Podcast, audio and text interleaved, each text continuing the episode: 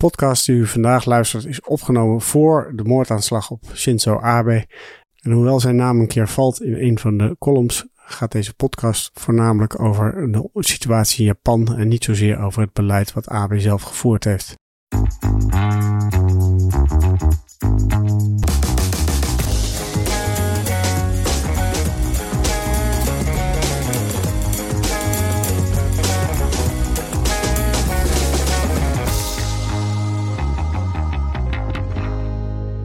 Welkom weer bij De Daalder Denkt Hardop, die de komende weken in het kader van de zomervakantie in een iets ander jasje is gestoken.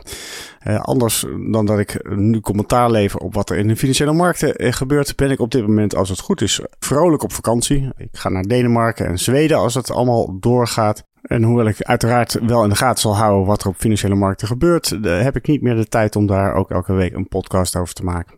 Niet getreurd, ik weet dat het succes achter een goede podcast is dat je zorgt dat als je er niet bent, dat er een alternatief is. En dat is dus wat u de komende weken van mij kunt horen. De Daalder denkt zomertours, zullen we het maar noemen. Het idee hierbij is dat ik vooral terugval op de columns die ik eh, de afgelopen acht jaar geschreven heb in het Financieel Dagblad. Elke week één. Nou, er zitten vast pareltjes tussen die eigenlijk nog wel een tweede leven behoeven. Goed genoeg om nog een keertje over na te denken. Ik probeer zoveel mogelijk twee columns bij elkaar eh, te zoeken die iets met elkaar te maken hebben. Lees die voor en zal vervolgens ook nog iets van commentaar leveren over de gedachtegang of de ideeën of de ontwikkeling sinds die tijd dat ik die column geschreven heb. En hier begin ik dan gelijk met de eerste column. Chirp, chirp, chirp. Column die origineel gepubliceerd is in het Financieel Dagblad van 18 juni 2014. Het grote nieuws van het afgelopen week. GPIF gaat later dit jaar haar beleggingsbeleid aanpassen. Plannen zijn nog niet concreet, maar dat er een forse verschuiving in de richting van aandelen zal plaatsvinden is al duidelijk.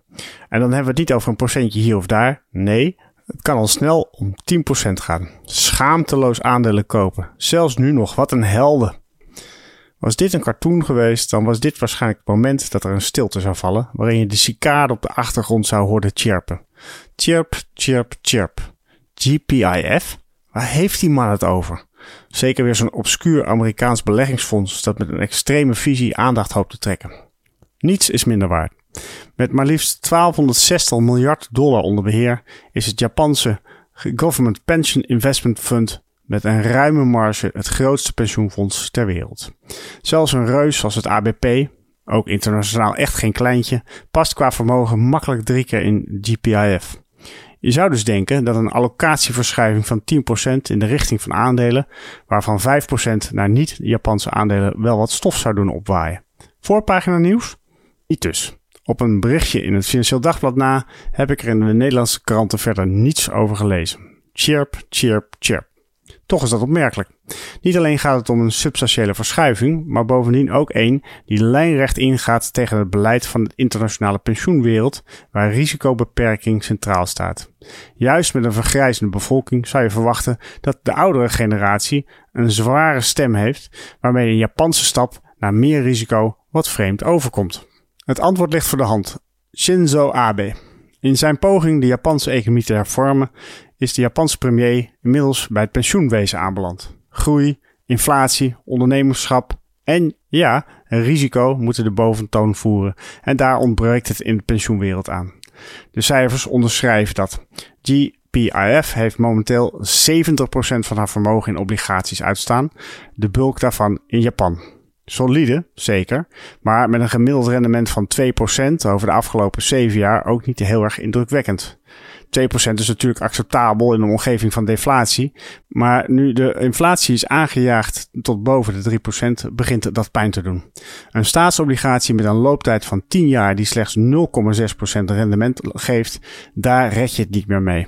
De draai naar risico is dus niet meer dan logisch. De vraag die ik dan weer heb, op zich niet onbelangrijk, met een staatsschuld van meer dan 240% van het BBP, is wie wil de Japanse obligaties dan eigenlijk nog wel kopen? Chirp, chirp,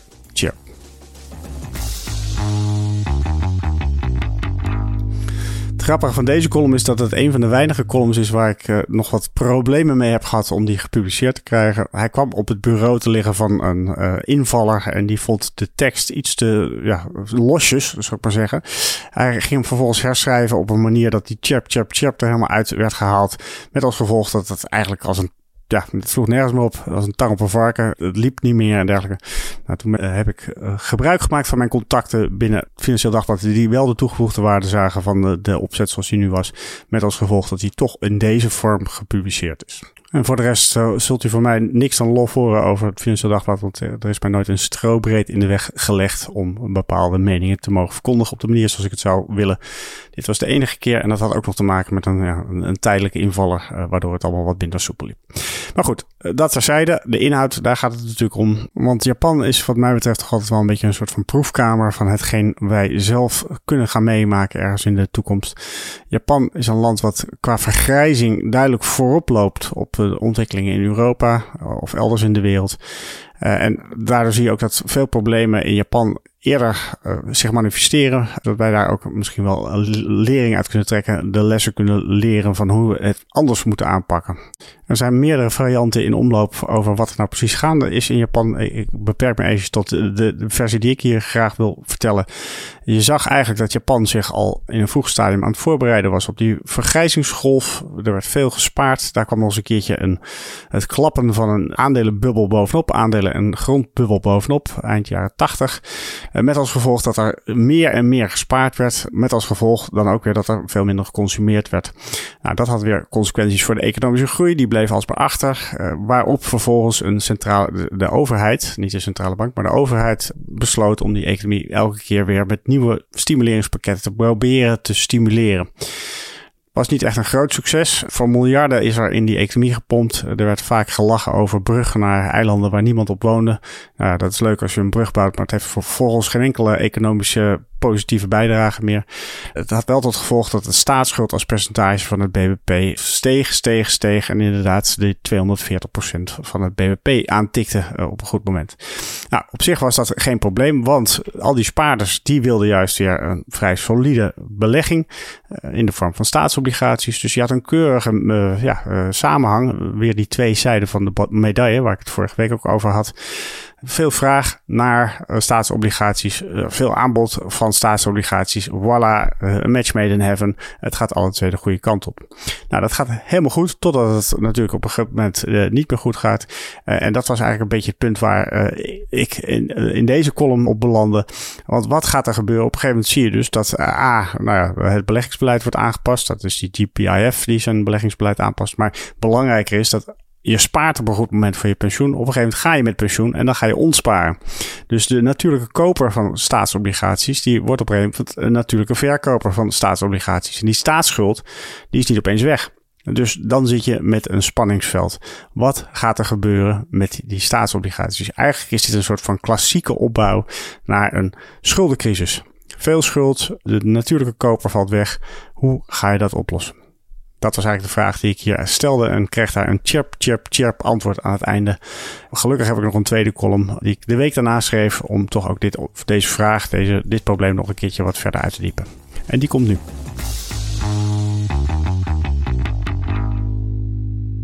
Proeftuin.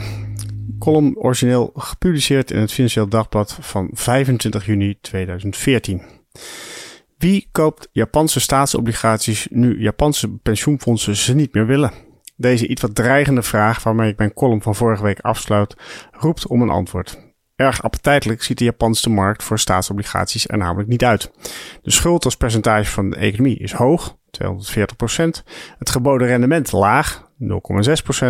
En de risico's voor zowel binnenlandse inflatie en buitenlandse beleggers, yen, zijn duidelijk toegenomen. Als zelfs de Japanse gepensioneerden die schuld niet meer willen kopen, wie in hemelsnaam dan nog wel? Het antwoord is simpel: de Centrale Bank van Japan, oftewel de Bank of Japan. Met een marktaandeel van 20% is de Bank of Japan nu al de grootste houder van de Japanse staatsschuld.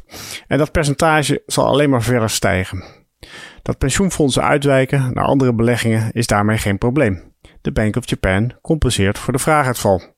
En gelukkig zijn de zakken van de Bank of Japan diep, want zoals elke centrale bank heeft die de mogelijkheid om geld te drukken. Echt lekker voelt het niet. Onafhankelijkheid van de centrale bank ten opzichte van de overheid is een groot goed. En met het oplopen van de staatsschuld op de balans van de Bank of Japan brokkelt die onafhankelijkheid gestaag af. Door de hoogte van de schuld kan een simpele renteverhoging bijvoorbeeld al tot financiële problemen van de Japanse overheid en daarmee ook de Bank of Japan gaan leiden. Maar wat als de Bank of Japan van de ene op de andere dag bekend maakt dat die overheid die 20% schuld niet meer hoeft af te lossen? Dat de schuld gewoon omgezet wordt in een, naar een niet aflosbare schuld met een rentetarief van 0%. Ik heb deze vraag de afgelopen vier jaar met enige regelmaat aan verschillende gerenommeerde economen voorgelegd en de reacties liepen nogal uiteen. De standaard respons was dat het tot hoge inflatie zou leiden.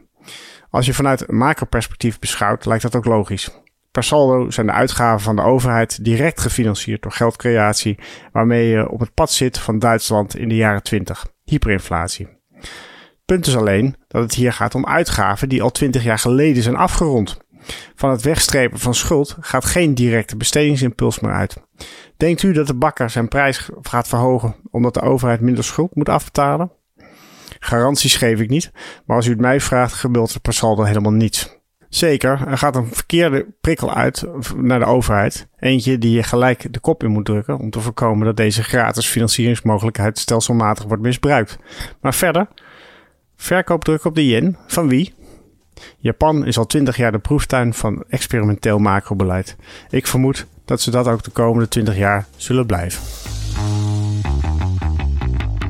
Nou, uh, ik denk dat de column nog steeds zeer relevant is. De percentages die ik noem zijn natuurlijk wel wat anders. Inmiddels hebben we het niet meer over 20%. Ik geloof dat uh, de Bank of Japan op dit moment al 50% van alle staatsschuld in handen heeft. Uh, dus nog behoorlijk wat hoger dan die 20% die al genoemd was.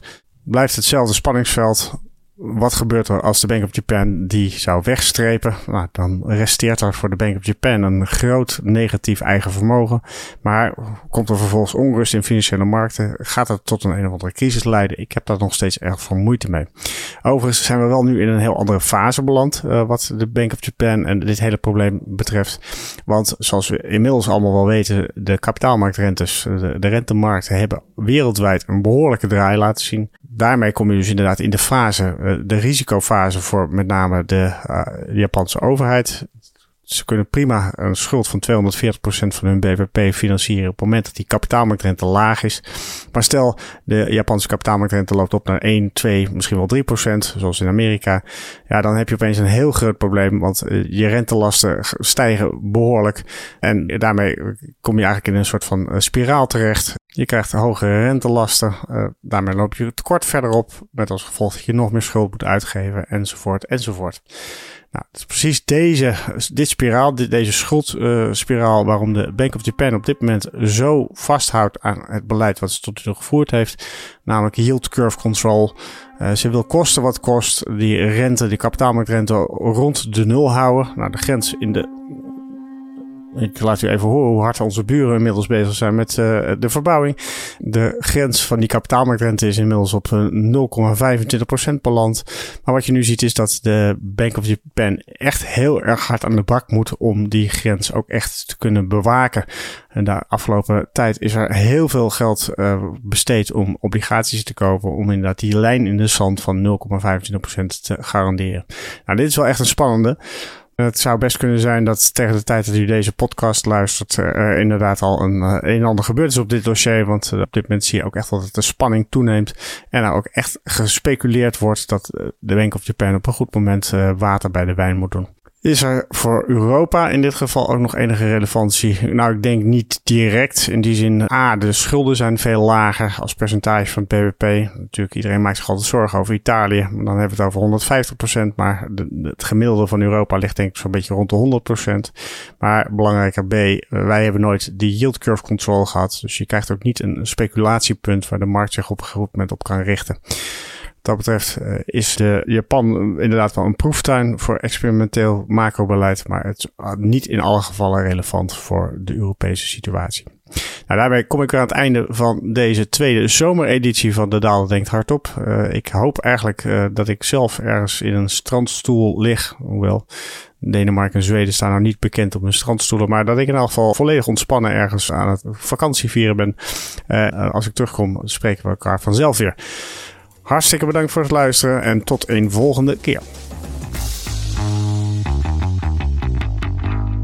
Risicowaarschuwingen. Beleggingsrisico. De waarde van beleggingen en de opgebrachte inkomsten kunnen variëren. Het is niet zeker dat u uw oorspronkelijke inleg terug ontvangt. Dit is een marketinguiting. In het verleden behaalde resultaten geven geen betrouwbare indicatie van het huidige of toekomstige rendement en dienen niet als enige criterium te worden genomen bij de selectie van een product of strategie. Veranderingen in de wisselkoersen van valuta's kunnen ertoe leiden dat de waarde van beleggingen stijgt of daalt. Deze schommelingen kunnen bijzonder sterk zijn bij een fonds dat blootstaat aan een hogere volatiliteit en de waarde van een belegging kan plotseling en zeer sterk dalen. De fiscale regelgeving waaraan beleggingen onderworpen zijn en de hoogte van de belasting kunnen in de loop der tijd wijzigen. BlackRock kan op elk moment besluiten een fonds niet langer aan te bieden. Belangrijke informatie. Deze podcast is alleen bestemd voor professionele beleggers volgens de MIFID-richtlijn. Andere personen dienen niet op de hier geboden informatie te vertrouwen.